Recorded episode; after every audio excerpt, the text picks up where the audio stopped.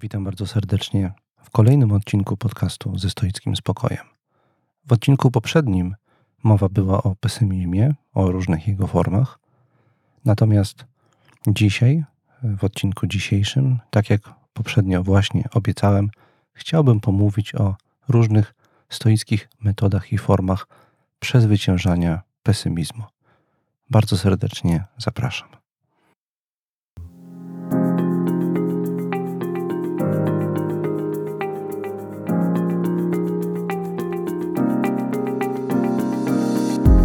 Mamy ograniczony wpływ na to, gdzie i pośród jakich ludzi żyjemy.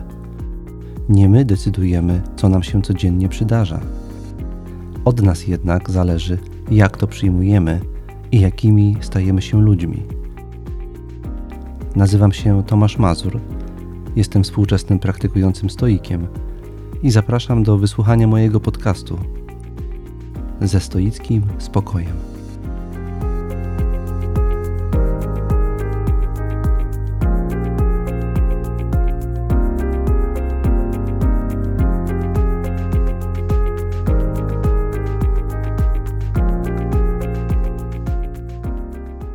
Zacznę od podziękowań, cytatu na dziś e, oraz ogłoszeń. Więc jeżeli chodzi o te pierwsze, miałem ostatnio okazję gościć w Trójmieście na dwóch wydarzeniach. Pierwszym z nich był mój wieczór autorski związany z promocją książki Zakazana historia filozofów. Gościła mnie Sopoteka, tejże instytucji, Chciałem bardzo serdecznie za gościnę podziękować. Mm, współorganizatorem od strony Sopoteki tego wydarzenia był Marek Ścibor, nasz mm, trójmiejski y, naczelny stoik. Y, za tą pomoc w organizacji z tego miejsca też bardzo chciałem mu podziękować. Spotkanie prowadził w sposób niezwykle interesujący, zadając mi mnóstwo niełatwych pytań Michał Wróblewski, i za trud, jaki w to włożył. Także chciałem mu bardzo gorąco podziękować. Wreszcie oczywiście chciałem podziękować wydawnictwu Znak i wszystkim uczestnikom za ich pytania. Jedno z pytań e, w szczególności zapadło mi w pamięć. Mm, padło ono e, z widowni już e, po takiej głównej części spotkania. Niestety nie pamiętam nazwiska autora pytania, więc jeżeli on rozpozna w tym podcaście swoje pytanie, to jemu anonimowo trochę, ale bardzo serdecznie dziękuję. To pytanie mnie zaskoczyło. Może poprzedzę tą anegdotę informacją, że zanim rozpoczął się wieczór autorski, ja z organizatorami chwilę sobie tak w kuluarach rozmawiałem.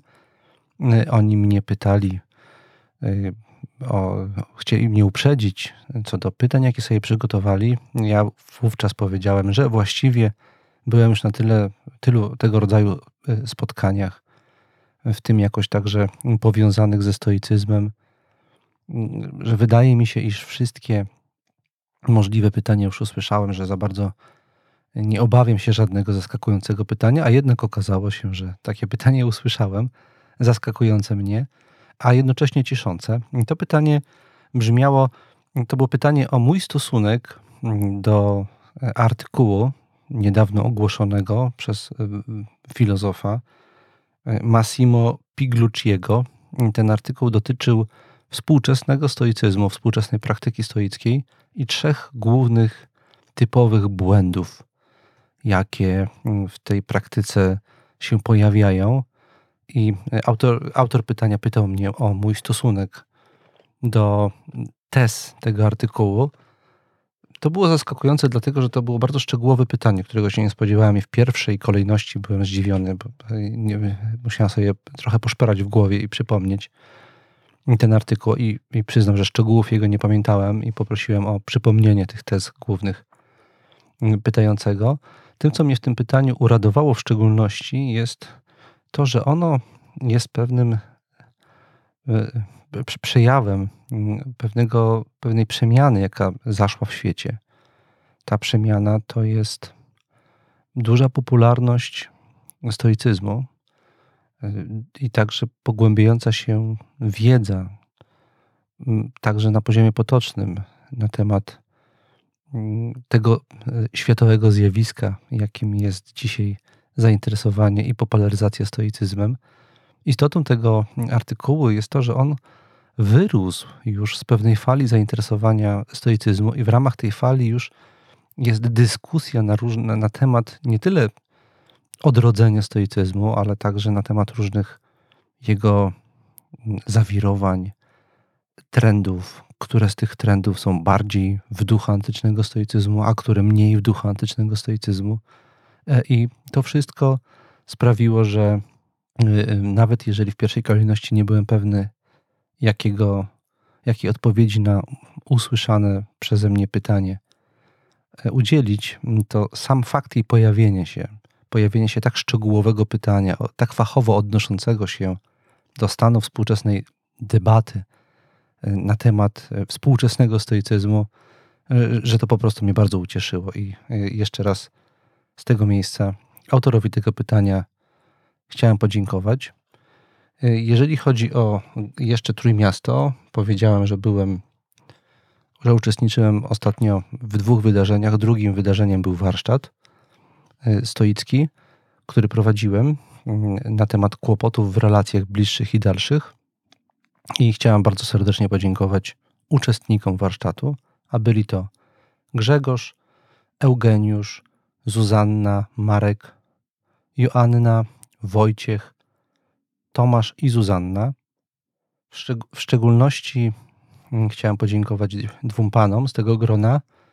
Grzegorzowi, który przyjechał do Trójmiasta aż z Bydgoszczy oraz Wojciechowi, który przyjechał do, e, do Trójmiasta aż z Poznania.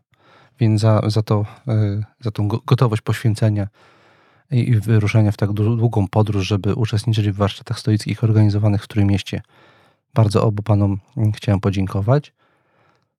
Wspomniałem poprzednio, że był analogiczny warsztat w Warszawie i, i jemu towarzyszyło pewne motto. Przypomnę to motto. Nie trzeba być w dobrej relacji, żeby być dobrze w relacji. Tym razem mm, inne motto się pojawiło, które wypowiedziałem i też ono y, mocno podczas tego warsztatu wybrzmiało, długo o nim dyskutowaliśmy. Ono brzmiało następująco. Im mniej mamy silnych emocji, tym bardziej różnorodne i głębokie jest nasze życie uczuciowe. Do obu tych cytatów czy sentencji obiecuję się jeszcze odnieść w ramach e, tego podcastu, więc proszę cierpliwie czekać, na pewno do tego wrócę. Jeszcze wracając na chwilę do podziękowań, Chciałem podziękować jednej ze stałych słuchaczek tego podcastu, Annie Kołodziejczyk, z którą korespondowałem mailowo mm, i ona y, udzieliła mi cennego feedbacku. Bardzo dziękuję. Y, był to feedback oczywiście y, wzmacniający moje, mnie w moich staraniach i w nagrywaniu kolejnych odcinków podcastu.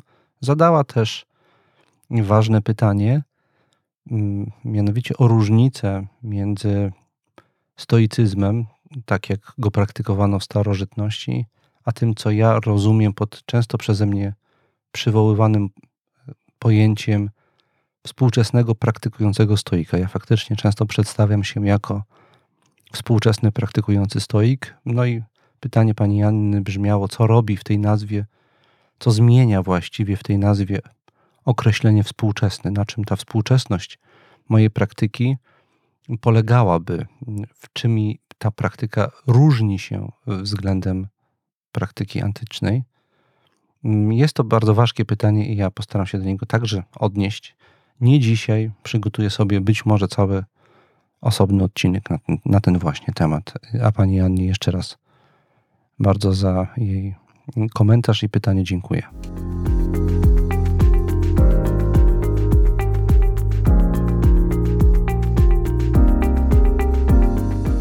Przechodzę teraz do cytatu na dzisiaj, ponieważ nazwisko Massimo Piglucciego padło już tutaj.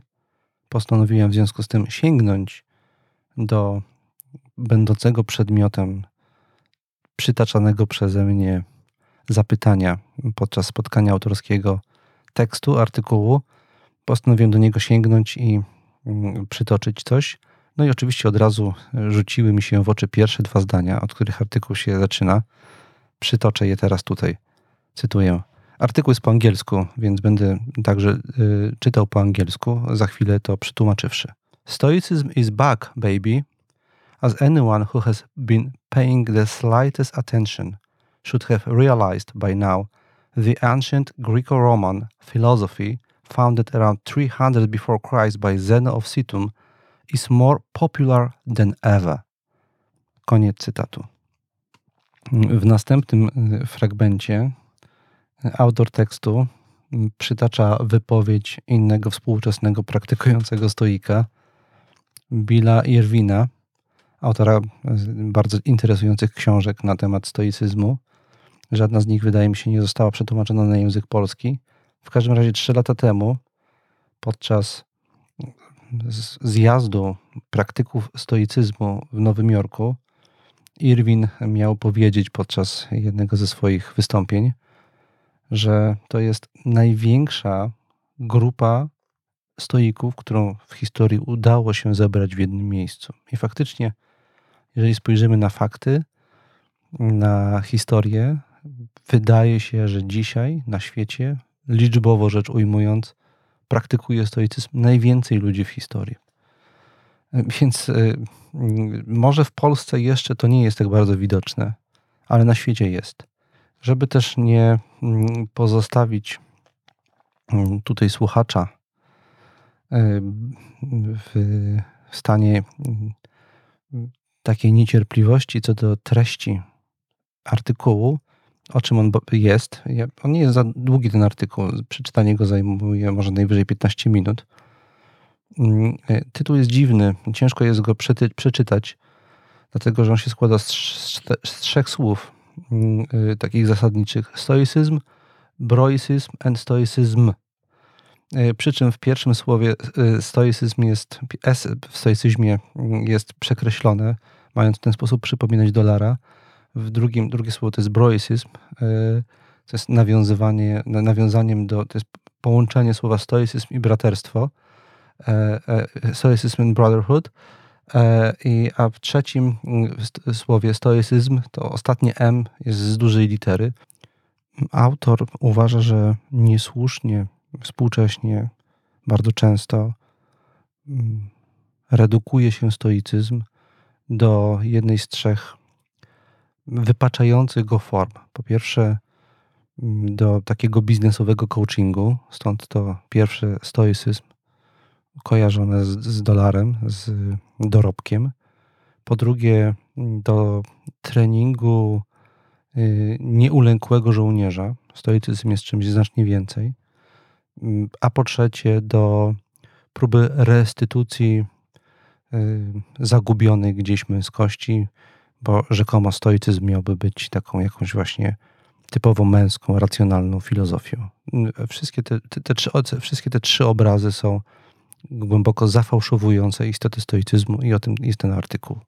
Na koniec zapowiedziałem, że będą też ogłoszenia, więc y, mam trzy takie proste ogłoszenia. Po pierwsze, zachęcam wszystkich słuchaczy do pisania do nas na adres podcast małpa.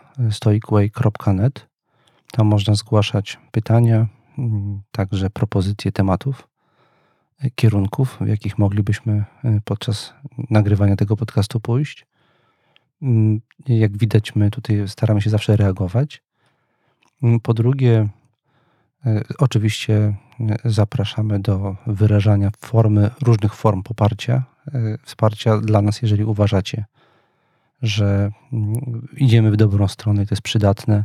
Na naszej stronie jest taka wtyczka przycisk, y, za pomocą którego można wyrazić to, to poparcie materialnie. Wreszcie, mm, y, także trochę w formie komentarza do tego, co miało miejsce w Trójmieście. Otóż co najmniej trzy osoby w różnych momentach mojego ostatniego wyjazdu do Trójmiasta zadawały mi pytanie o to, czy w, in, w innych miastach Polski funkcjonują jakieś grupy praktykujących stoików, Powiem jedynie, że na pewno funkcjonuje taka grupa w Warszawie i w Trójmieście. Wiem, że w innych grupach, w innych miastach było i co jakiś czas słyszę o zainteresowaniu.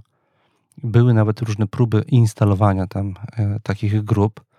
Jeżeli mm, mieszkacie w innym mieście niż Warszawa i jeżeli nie mieszkacie także w Trójmieście, a chcielibyście, jeżeli ty byś chciał, słuchaczu bądź słuchaczko, żeby takie, takie spotkania miały miejsce, spotkania, gdzie stoicy mogą się e, ze sobą zobaczyć i porozmawiać, podzielić doświadczeniami, podyskutować, jeżeli chcielibyście, żeby miały miejsce, no to inicjatywa jest e, po waszej, po twojej stronie. Zapraszam do tego, żebyście próbowali się organizować, bo do tego nie trzeba wiele. Jeżeli mm, e, interesuje Was jakiś taki starter, e, czyli zbiór informacji na początek, od czego warto zacząć, to bardzo proszę o zgłaszanie się też do nas na ten sam adres mail, który już podałem gdzie taki e, prosty know-how możemy wysłać i, i może także jakoś właśnie nawiązać organizacyjną współpracę w ramach e, popularyzowania filozofii stoickiej dzisiaj. Tyle e, tytułem wstępu. Teraz chciałbym już przejść do zasadniczej części dzisiejszego odcinka podcastu.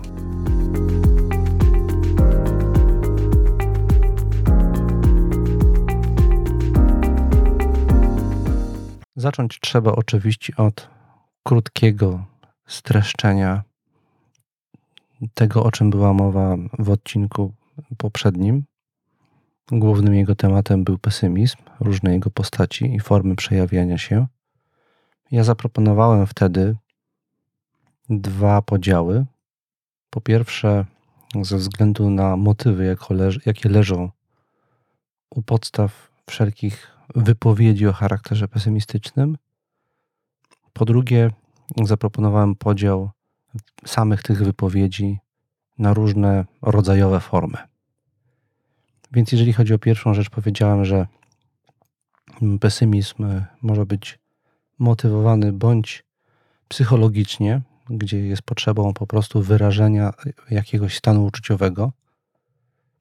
Po drugie, Mówiłem o tym, że może być to po prostu forma manipulacji, gdzie określony stan uczuciowy czy decyzyjny pragniemy wywołać wypowiedzią pesymistyczną u drugiej osoby. Po trzecie, wreszcie mówiłem, że pesymizm może być, wypowiedź o charakterze pesymistycznym może mieć po prostu charakter merytoryczny czy poznawczy, a więc być wyrazem potrzeby podzielenia się określonym pesymistycznym poglądem na temat większego lub mniejszego wycinka rzeczywistości, stanu tego, tego wycinka rzeczywistości. Drugi podział, jaki zaproponowałem, to podział na różne typy wypowiedzi pesymistycznej, czyli tej o charakterze merytorycznym. I mówiłem tutaj o tym, że są, ja widzę co najmniej cztery takie typy. Po pierwsze, pesymizm o charakterze antropologicznym, gdzie wypowiadamy się pesymistycznie o kondycji rodzaju ludzkiego, że jest w tej kondycji coś niezmiennie złego, czego my nie umiemy cywilizacyjnie i kulturowo naprawić mimo postępu dziejów. Drugi właśnie rodzaj pesymizmu mm, to jest pesymizm dziejowy, który głosi, że pomimo mm, ewidentnego postępu cywilizacyjnego, położenie człowieka nie zmienia się pod względem jakości życia w sposób zasadniczy, że coś zyskujemy, ale jednocześnie bardzo dużo tracimy. I ta wymiana nigdy ostatecznie y, nie ma bilansu pozytywnego, y, ale y, wychodzimy bądź na zero, bądź jest to bilans ujemny. I to jest istota tego pesymizmu dziejowego. I nawet jeżeli w jakimś obszarze jest lepiej, to w sumie jest tak samo jak było, a może gorzej. Dalej mamy pesymizm egzystencjalny, który ma charakter osobisty, gdzie po prostu wypowiadamy się na temat naszych egzystencjalnych możliwości, to znaczy o y, naszych możliwych działaniach, Pesymizm egzystencjalny jest stanowiskiem mm, głoszącym, y, że jakoś utraciliśmy zasadniczo perspektywy zyskania w naszym życiu czegoś lepszego na mocy naszych różnych działań. Że nic lepszego niż to, co już mamy y, za sprawą naszych działań, spotkać nas po prostu w naszym życiu już nie może. To jest istota pesymizmu, który określam mianem egzystencjalnego.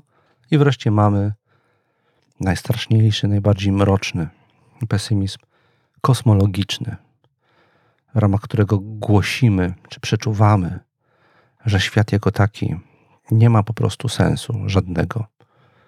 E, I przyrost wartości jakiejkolwiek w, w życiu naszym czy w naszym otoczeniu za sprawą działań naszych bądź działań innych ludzi po prostu jest niemożliwy, bo skoro w świecie nie ma żadnego sensu, to nie może też w nim być lepiej ani gorzej, tylko zawsze tak samo jednako bezsensownie. A poczucie sensu jakikolwiek jest jedynie swego rodzaju emocjonalnym złudzeniem, które w sobie pielęgnujemy, żeby nam się w ogóle chciało żyć. Taka jest istota pesymizmu, y, który y, nazywam kosmologicznym. Teraz z kolei mm, chciałbym przejść mm, do omówienia tego, jak po stoicku można sobie z tymi różnymi formami, postaciami stoicyzmu radzić. Prze będę przechodził po kolei różne postaci stoicyzmu, zaczynając od tych, które, w których raczej nie chodzi o samą wypowiedź pesymistyczną, ale o uzyskanie pewnego efektu albo wyrażenie pewnego stanu. Wspomniałem, że jedna, jeden z takich przypadków można określać mianem właśnie pesymizmu motywowanego psychologicznie. Czujemy się podle, więc dajemy tego, temu wyraz w postaci odpowiedniej wypowiedzi o charakterze pesymistycznym i my po prostu w ten sposób dajemy ujście naszym emocjom. Może autorem takiej wypowiedzi czy tego rodzaju działań mogę być ja sam. I bardzo często łapiemy się na tym sami, że głosimy jakąś wypowiedź, dlatego że po prostu czujemy się podle, że właściwym autorem naszego poglądu na temat świata czy kondycji naszego życia jest po prostu nasz e, odczuwany jakoś głęboko, nierzadko w skrytości żal. Wówczas po prostu trzeba zastosować tą technikę, którą mo możemy bardzo często znaleźć na kartach Marka, e, rozmyślań Marka Aureliusza, kiedy to Marek napomina się, żeby uważnie za pomocą pogłębionej samoświadomości sprawdzał, jakie jest źródło jego przekonania, które w tej chwili ma ochotę wygłosić, e, które ma ochotę zająć, stanowiska, jakie ma ochotę zająć. Czy jest to źródło refleksyjne, czy może jest to właśnie e, jakiś żal. Na przykład Marek Aureliusz pisze o tym, zwróć uwagę, kto teraz w tobie i z jakiego miejsca w tobie przemawia. To, co chcesz powiedzieć, to, co chcesz zrobić. Czy przypadkiem nie jesteś we władaniu małego dziecka w tobie? Czy to małe, zranione dziecko nie doszło do głosu i czy to nie ono przypadkiem w tej chwili mówi to, co mówi Twoimi ustami i chce zrobić to, co chce zrobić? taka autorefleksja skierowana na motyw leżący u podstaw naszej aktualnej wypowiedzi bądź działania jest dobrym remedium na to, żebyśmy my sami nie popadali w taki pesymizm, bo tak jak powiedziałem, taki pesymizm raz y, wypowiedziany, mm, on pogłębia żal zazwyczaj, pogłębia uczucie frustracji i niezadowolenia z życia i y, pełni taką funkcję samospełniającej się przepowiedni. Jak, jak sprawdzić, czy ktoś, z kim rozmawiamy, właśnie motywowany jest raczej przez żal albo frustrację niż poznawczo? Wystarczy moim zdaniem albo doświadczenie, jeżeli znamy tą osobę i wiele razy już od tej osoby słyszeliśmy takie stanowisko i widzieliśmy jednocześnie, że może niekoniecznie ma ono poparcie w rzeczywistości, no to jest podstawa, żeby przypuszczać, że ta osoba po prostu chce się wyżalić. Inny sposób to jest podjęcie racjonalnej dyskusji z wygłoszonymi przez tą osobę tezami. Jeżeli widzimy, że ta osoba wcale nie jest zainteresowana podjęciem rozmowy na dany temat, to jest to przesłanka, żeby przypuszczać, iż ona raczej chce się, tak jak powiedziałem, wyżalić, odreagować frustrację i akurat sobie w nas upatrzyła dobre miejsce do tego odreagowania, niż żeby naprawdę realnie wygłosić jakieś przekonanie. I, I, w stosunku do takiej osoby mamy trzy strategie: mm, pocieszyć, urealnić, unikać. My musimy sami zdecydować, która w danej sytuacji jest najbardziej właściwa.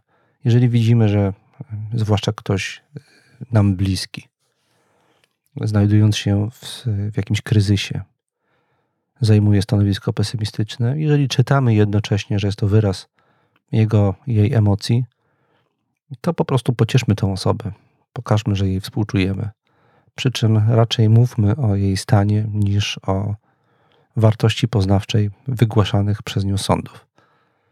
Y, drugi, druga reakcja, o której powiedziałem, to jest urealnienie.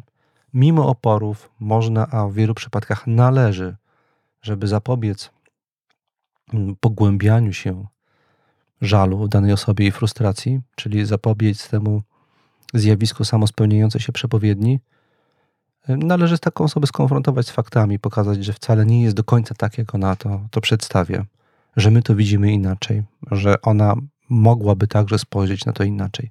Nawet jeżeli w, pierwszej, w pierwszym odruchu do tej osoby to nie dotrze, nie przyjmie tych mm, z naszego punktu widzenia racjonalnych argumentów, to w momencie, kiedy żal ustąpi, jest szansa, że one do niej dotrą. To po pierwsze. A po drugie, my mamy y, czyste sumienie, mianowicie, mianowicie uczucie, że nie współdziałaliśmy z nakręcaniem się żalu u naszego rozmówcy, bo, rozmówcy bądź rozmówczyni. To jest druga metoda. Trzecia wreszcie metoda, jeżeli w naszym otoczeniu są takie uciążliwe osoby epatujące pesymizmem e, w celach e, odniesienia ulgi, doznania ulgi emocjonalnej, to moim zdaniem racjonalne jest, żeby jeżeli nie musimy, nie obcować z takimi osobami, czyli unikać, bo ani im nie pomożemy, ani sobie, a przynajmniej nie będziemy i współdziałać z nimi w rozkręcaniu negatywnej e, spirali emocjonalnej. Dalej powiedziałem, e, że druga, druga forma pesymizmu jest tak naprawdę ukrytą formą manipulacji.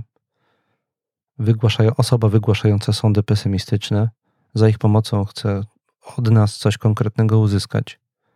Nierzadko będąc sama nieświadoma, że to właśnie robi, e, co najmniej dwie, dwóch rzeczy może chcieć uzyskać od nas.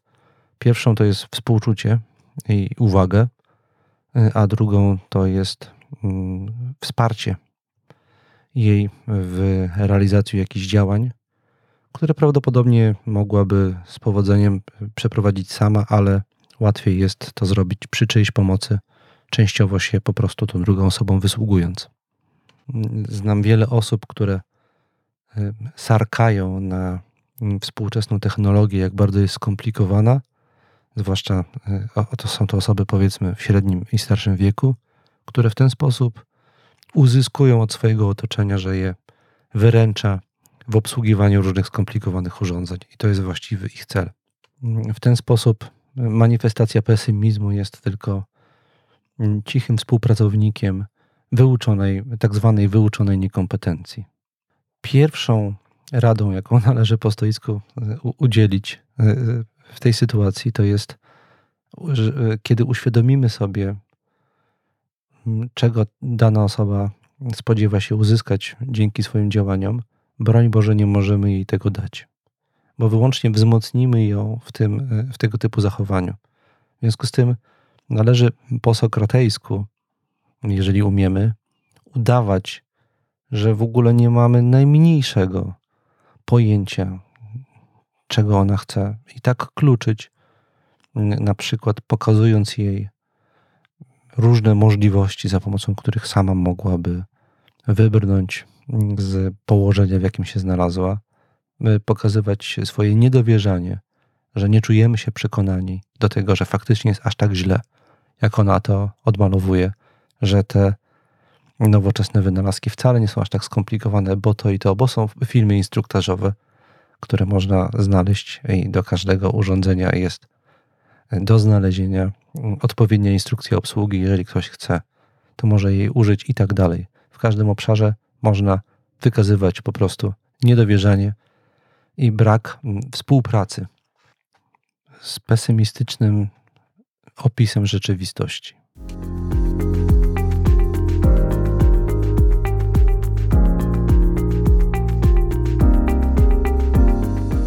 No dobrze, jak na razie wydaje się, że to jest proste. Ale co jeżeli y, ktoś, z kim rozmawiamy, albo my sami, zajmuje stanowisko pesymistyczne w jednej z tych czterech y, straszliwych y, postaci, które szczegółowo wyjaśniałem w poprzednim odcinku podcastu? Zacznijmy od wersji antropologicznej.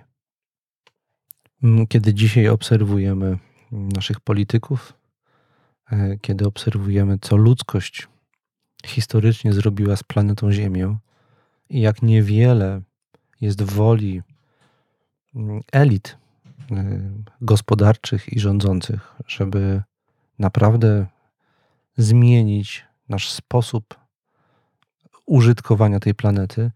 W, w, obliczu tych faktów bardzo wielu ludzi mm, faktycznie rozwija pogląd pesymistyczny na temat natury człowieka.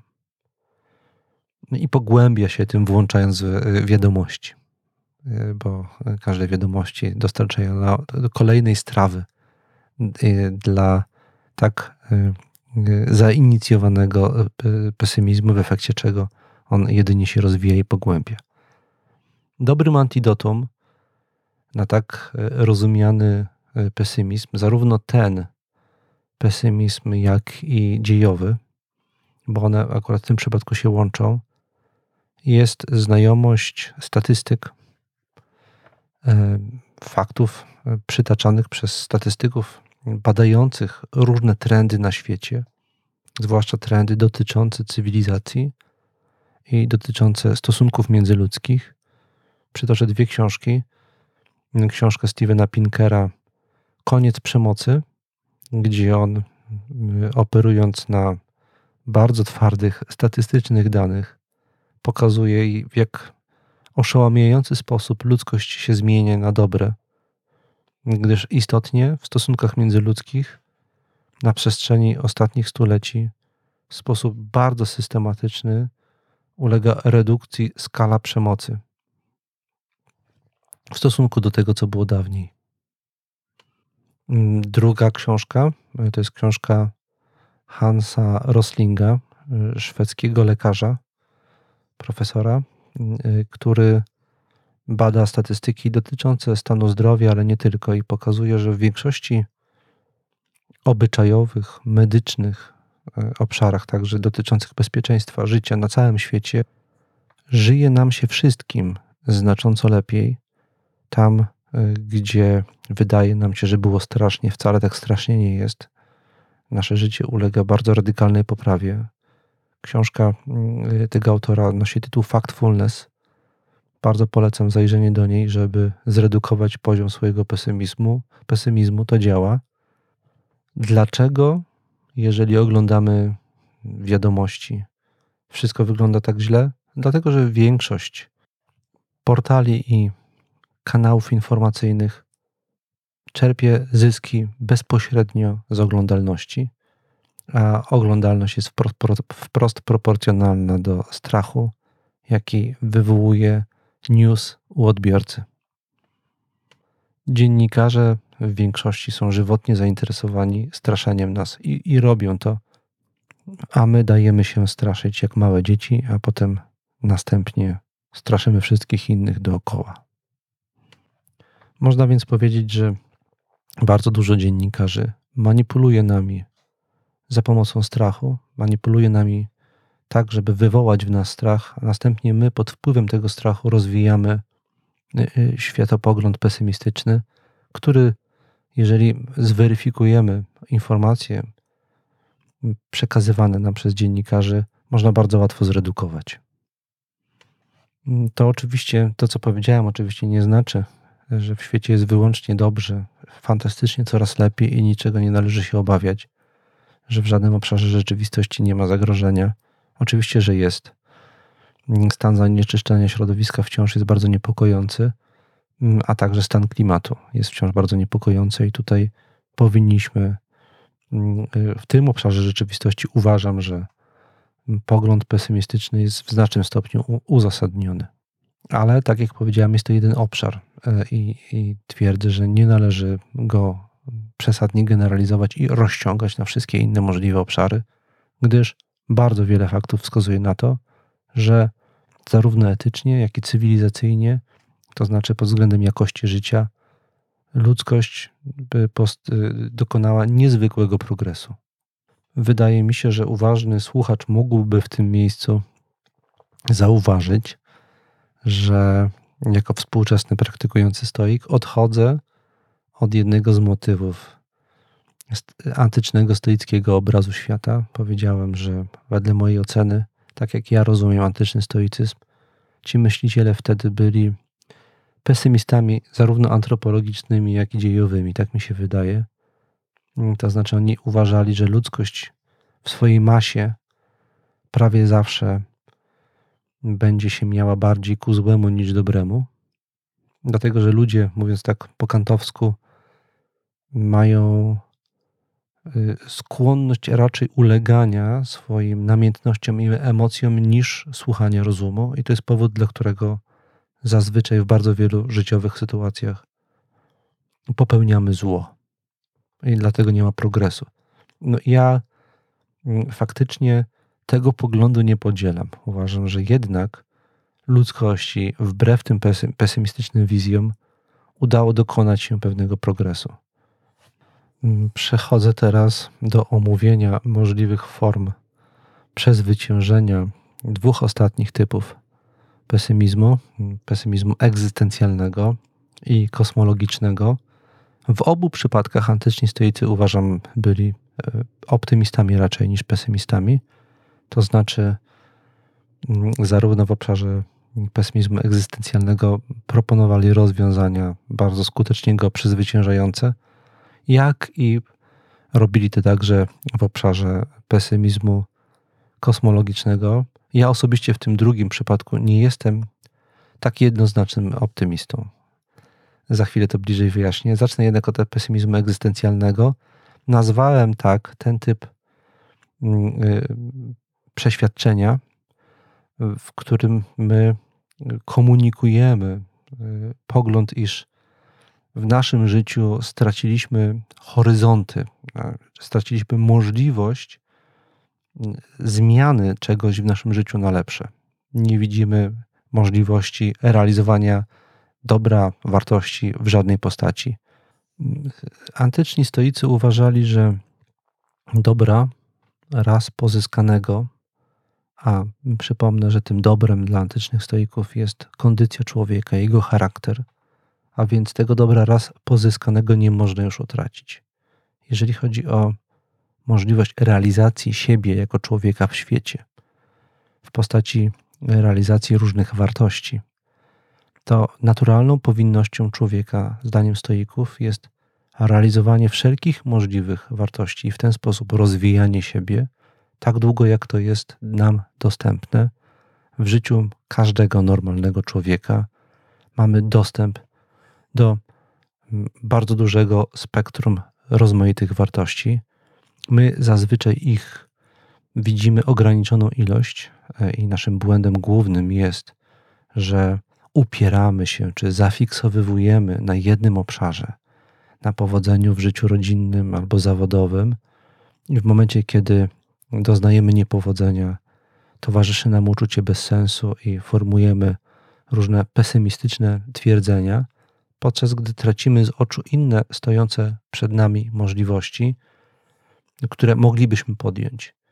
Naturalnym rozwiązaniem na to jest zaprzestanie narzekań i rozejrzenie się za innymi możliwościami samorealizacji, które stoją przed nami otworem, bo w ten sposób spełniamy się jako człowiek. Stoika charakteryzuje łatwość przechodzenia z jednej formy samorealizacji do drugiej, gdyż wie on, że wszystko, co ma w życiu dane, jest przemijające i jest w pewnym sensie nie jego.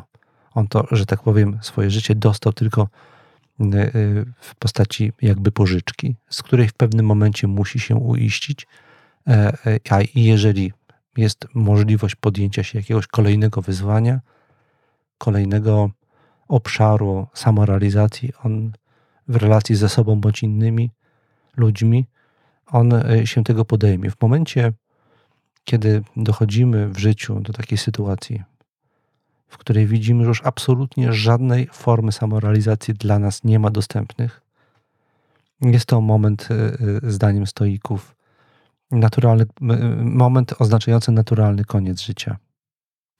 Tak, mówię o samobójstwie stoickim. Antyczni stoicy uważali, że człowiek tak długo powinien się cieszyć życiem, jak może, jak długo może się w tym życiu jako człowiek samorealizować. W momencie, kiedy traci wszelkie, możliwe wszelkie możliwości samorealizacji, jest to naturalny moment, w którym należy rozważyć godziwe rozstanie się z dalszą egzystencją.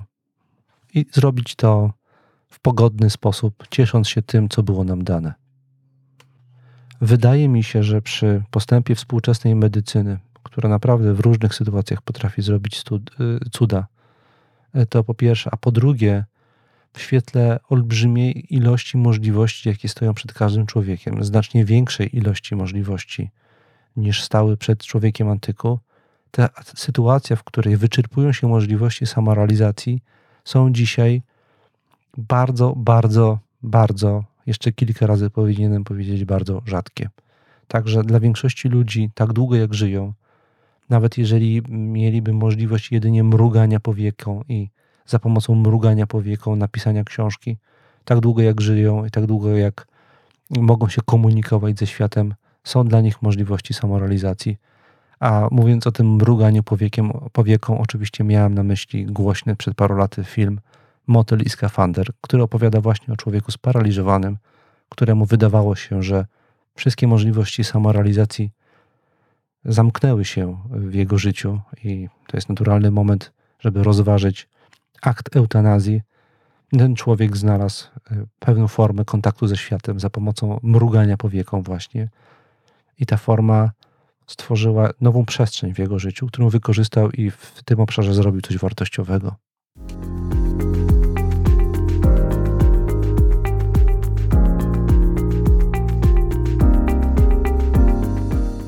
Przechodzę teraz do ostatniej postaci pesymizmu, czyli do tego pesymizmu kosmologicznego, y, tego, który pogrąża nas y, najbardziej skutecznie w rozpaczy, bo nabieramy poczucia, że świat jako taki jest y, bez sensu. Jest to jedynie zbiór bezładnie krążących w próżni atomów, które łączą się czasami w jakieś byty, i my jesteśmy bezwiedną ofiarą takiego absurdalnego połączenia i gdzieś gnamy na oślep przez, y, przed siebie, mm, doświadczając różnych zawirowań w postaci pragnień, y, aspiracji, ale to jest tylko wyłącznie przejaw tego ślepego dążenia atomów w nas, a wszystko jest bez sensu.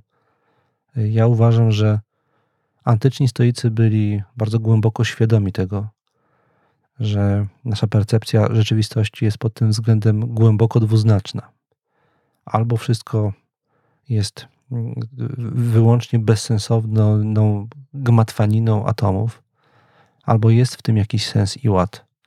I taką alternatywę Seneca czy Marek Aureliusz bardzo często przedstawiają swojemu czytelnikowi, sobie samym, y, mówiąc, komentując to Mm, agnostycznie, jeżeli tak mogę powiedzieć. To znaczy, twierdząc, że człowiek nigdy się co do tego ostatecznie nie upewni. Marek Aureliusz y, ujmuje to w postaci swego rodzaju zakładu. Albo chaos atomów, albo Bóg i ład kosmiczny, którego jesteś częścią. Nie masz pewności, która z tych ewentualności zachodzi. Dlatego dla dobra Twojego samopoczucia, w szczególności poczucia sensu, logicznie, racjonalnie jest przyjąć, że świat jest miejscem, w którym jest ład i Ty tego ładu jesteś jakąś częścią i z poczucia bycia częścią tego ładu czerpiesz, y, y, możesz czerpać głęboką duchową satysfakcję.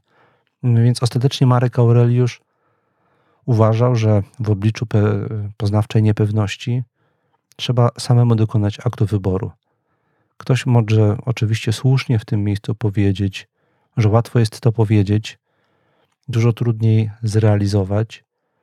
Moim zdaniem mm, to jest do pewnego stopnia element naszego uporu i determinacji w poszukiwaniu takiego wewnętrznego, głębokiego, osobistego zakorzenienia w, w procesie życia. My wszyscy jesteśmy przejawem, jak to mówi, lubili mówić stoicy, działania pewnej kosmicznej energii.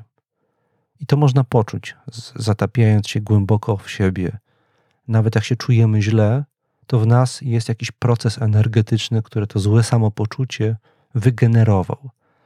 E, I można przestać się skupiać na tym, że się czujemy źle, tylko skupiać się na samej energii, bo złe samopoczucie jest po prostu pewną postacią energii. A to, że w nas jest jakaś postać energii, jest to niezaprzeczalne, i wczuwając się w nią, zyskujemy łączność z jakimś głębszym, egzystencjalnym, ontologicznym procesem, który w nas, pod nami, przed nami stoi i w nas jest obecny i nas popycha naprzód. I można w tym popychaniu znaleźć łączność z bytem, przy czym, tak jak powiedziałem, potrzebujemy do tego pewnej siły i determinacji. Na ile to odnalezienie tej energii i poczucia tej łączności z tą energią, którą właśnie można nazwać sensem, i stoicy chyba próbowali właśnie tak to nazywać. Oni widzieli logos po prostu w samym fakcie łączenia się wszystkiego w spójne, logiczne całości. Logiczne w sensie takim, że świat się nie rozpada przypadkiem, nagle, chaotycznie, na części, tylko jest w nim, są w nim prawa przyrody, jest w nim powtarzalność. I to jest właśnie ten logos leżący u podstaw tej organizującej się w spójne całości energii. I my, nasze myślenie, nasze procesy życiowe, wszystko jest tego częścią. Trzeba to poczuć, zrozumieć, zaakceptować, że jest się tego częścią. Nie walczyć z tym. Y, ta stoicka amor fati jest częścią, częściowo projektem y, mającym na celu odczucie i zaakceptowanie tych głębokich procesów, których jesteśmy częścią i od, odczuwanie radości z tego powodu. Więc oni w to wierzyli. Y, ja powiedziałem wcześniej, że mam tej wątpliwości. Właśnie taką wątpliwość, jak wygłosiłem, że to może nie jest takie proste. Zwłaszcza w dzisiejszym świecie, bardzo skomplikowanym świecie, nakładających się różnych wizji rzeczywistości, różnych interpretacji świata, różnych teorii, różnych religii, człowiek, człowiekowi trudniej jest w nim się poznawczo odnaleźć. Stąd poczucie zagubienia może właśnie generować taki pesymizm mm, kosmologiczny. Dlatego ostatnia rzecz, którą powiem, będzie taka trochę quasi religijna chyba, ja twierdzę, że poza tym, tą determinacją, o której mówiłem, że trzeba nieustannie pogłębiać swoje doświadczenie, szukać tego zakotwiczenia w bycie tu i teraz, nie jako Tomasz Mazur, nie jako jakikolwiek indywidualny człowiek, obywatel tego czy innego kraju, Jan Kowalski, tylko po prostu jako człowiek, jako byt, jako taki, poczuć się w łączności y, ze światem. Więc tego, tak jak powiedziałem, trzeba z determinacją szukać, czy w efekcie do, dane nam będzie doświadczenie tej głębokiej jedności, a, a wraz z tym doświadczeniem, właśnie moim zdaniem, płynie poczucie sensu, sensu kosmologicznego i optymizmu kosmologicznego, y, to jest do pewnego stopnia kwestią jakiejś jednak łaski. Nie mamy nigdy, moim zdaniem, pewności, czy to poczujemy, ale warto próbować, warto czytać, Warto próbować siebie zrozumieć, warto rozmawiać z ludźmi, zadawać pytania, otwierać się na świat, wsłuchiwać się w siebie i w innych. Jeżeli będziemy robili to z determinacją, to zwiększamy prawdopodobieństwo, że w efekcie uzyskamy właśnie to doświadczenie łączności i będziemy mogli uczciwie zająć stanowisko, które można w związku z tym określić mianem optymizmu ontologicznego. Antyczni stoicy byli naturalnymi optymistami ontologicznymi. Twierdzili, że jeżeli człowiek będzie postępował zgodnie z zasadami stoickimi, to musi to odnaleźć. Ja e, w odróżnieniu od nich twierdzę, to jest jedyny obszar, w którym jestem względnym pesymistą. Ja twierdzę, że to jest możliwe, ale nieoczywiste. To powiedziawszy, e, chciałem za uwagę dzisiaj bardzo serdecznie podziękować, zapraszając do pytań, do kontaktu i do e, wyrażania różnych form poparcia, wsparcia, zainteresowania. Bardzo dziękuję i do usłyszenia.